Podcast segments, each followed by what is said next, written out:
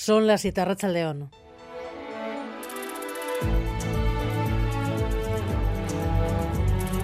Gambara con Arancha García. Hoy les estamos contando el nuevo decreto de normalización del euskera en el sector público vasco. El anterior es de 1997. Introducirá cambios en la forma de acreditar el conocimiento del euskera en una oferta de empleo público. Hasta ahora, básicamente podíamos aportar el título. Ahora se abren otras vías. Entre las novedades también los perfiles asimétricos y Manuel Manterola. Se trata de dar un impulso al uso del euskera en el sector público. Para ello se ha diseñado un nuevo sistema más flexible para acreditar el nivel de euskera para un puesto. Entre otros, realizar y superar la prueba u oposición en euskera servirá para acreditar el nivel que se exige en cada caso. Se han creado además nuevos perfiles lingüísticos asimétricos en los que se podrá exigir distinto nivel en el oral y en el escrito para puestos, por ejemplo, en los que la comunicación sea sobre todo verbal y los municipios vascos podrán ser declarados zonas tensionadas para el alquiler en su totalidad, no solo por distritos. El Gobierno ha ampliado el criterio, como habían pedido, entre otros, el Ayuntamiento de Donostia. Este es el paso previo para que se puedan aplicar medidas de control de los precios del alquiler, Rodrigo Manero. Sí, el gobierno vasco había descrito las zonas tensionadas por distritos y teniendo en cuenta el precio del alquiler y las rentas de sus habitantes, se habían quedado fuera zonas caras y pudientes como Abando e Indauchu en Bilbao o más modestas como Martutene en Donostia. El alcalde Goya alertó de que no aplicar las medidas de contención en toda la ciudad podría presionar al alza los precios de esos barrios. Ahora se va a tener en cuenta la media de todo el municipio y será más fácil aplicar las medidas que si los ayuntamientos lo piden, permitirán topar las futuras subidas de los alquileres.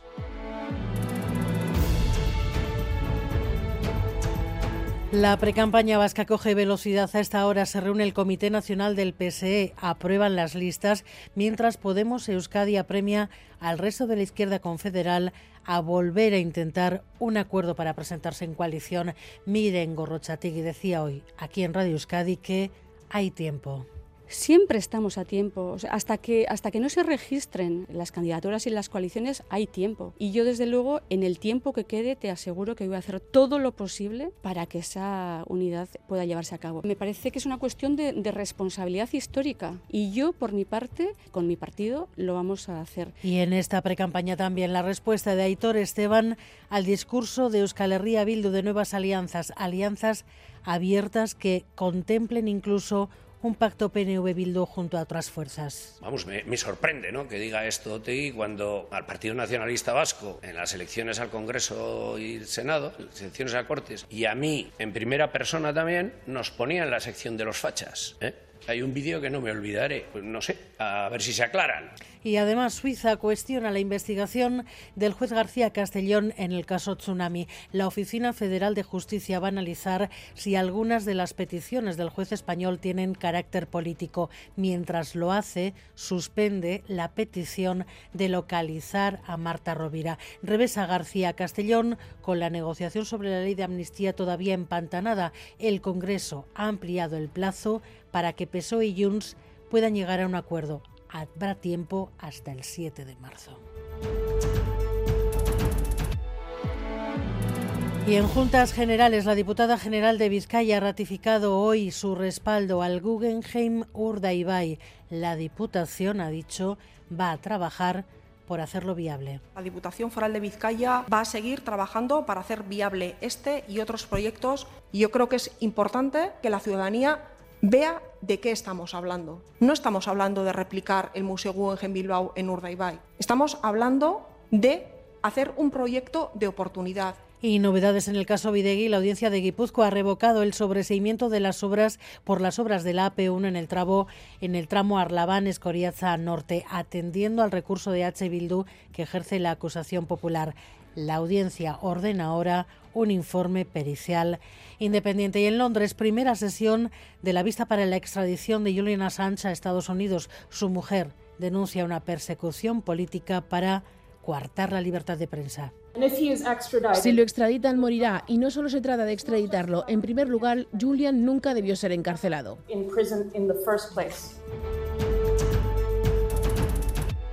Y los deportes, Edu García, Racha León. ¿Qué tal, Racha León? Pues con la resaca positiva para la Atleti del partido jugado ayer ante el Girona y con la buena noticia para el conjunto rojo blanco de la ampliación del contrato de Gorga Guruceta, uno de los que acababa el 30 de junio.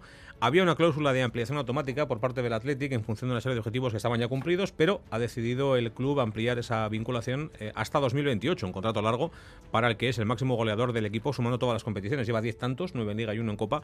Un Gorga Guruceta que en su, en su retorno, en su regreso a Bilbao, está confirmando que está en el punto de madurez eh, más óptimo, digamos, de, su carrera. La parte negativa para el equipo rojiblanco, la lesión de Ñigo Leque, un problema muscular que veremos cuánto tiempo le tiene de baja, lo que seguro es que no estará, por ejemplo, este próximo domingo para enfrentarse al Betis y ya veremos si la próxima semana llega tiempo, aunque parece que no, para jugar la vuelta de las semis de Copa ante el Atlético de Madrid. Un equipo colchonero que juega esta noche, duelo de Liga de Campeones contra el Inter de Milán, también se juega otro partido más de octavos de final, el PSV en Borussia Dortmund, y ya te adelanto que esta noche en Quirolo a partir de las 10, 10 eh, y cuarto, 10 y 20, charlaremos con Iñaki Goicoechea. El Jax puntista se hace complicado todavía calificarle como ex deportista profesional. El eh, pelotari Zumayarra, que el pasado domingo colgaba la cesta tras la disputa de la final de las Winter Series. Casi tres décadas eh, jugando a cesta, siendo el número uno en su modalidad durante casi 30 años. Y hoy se pasará por los micrófonos de Kiro para hacer balance, resumen de esa carrera tan larga y tan exitosa, porque ha acumulado chapelas y títulos. No, se le sobra, no tiene casi ni dónde colocarlos.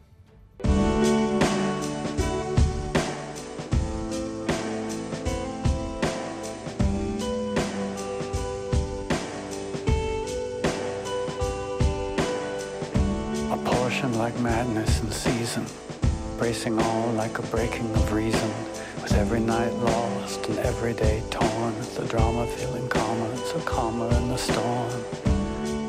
Juan Carlos Unzúe ha estado hoy en el Congreso. Ha ido allí para pedir que se acelere la aprobación de la ley ELA y se ha encontrado con cinco diputados. Cinco Gary Suárez. Ha ocurrido hoy en el Congreso de los Diputados en la jornada organizada por la Confederación Nacional de Entidades de ELA, en el que varios pacientes de esta enfermedad han reclamado compromiso político para mejorar su atención porque se sienten abandonados. Uno de sus portavoces ha sido el exfutbolista Juan Carlos Unzué, cuya parte de la intervención se ha hecho viral al resaltar este la ausencia de varios diputados y diputadas en la sala. Quisiera saber, María José, cuántos diputados o diputadas hay en la sala. Creo que he contado cinco. Me imagino que el resto tendrán algo muy importante que hacer.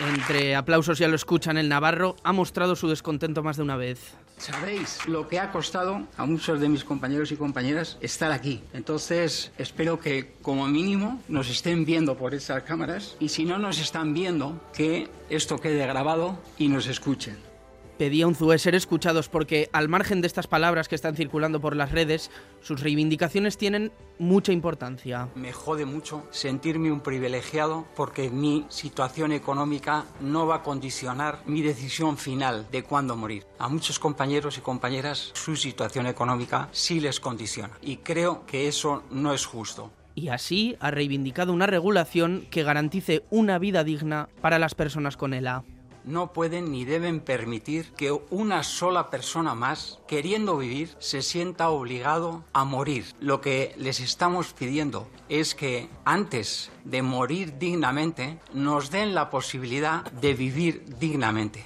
Un discurso valioso el de Unzue, que también pedía voluntad para tramitar la ley lo antes posible.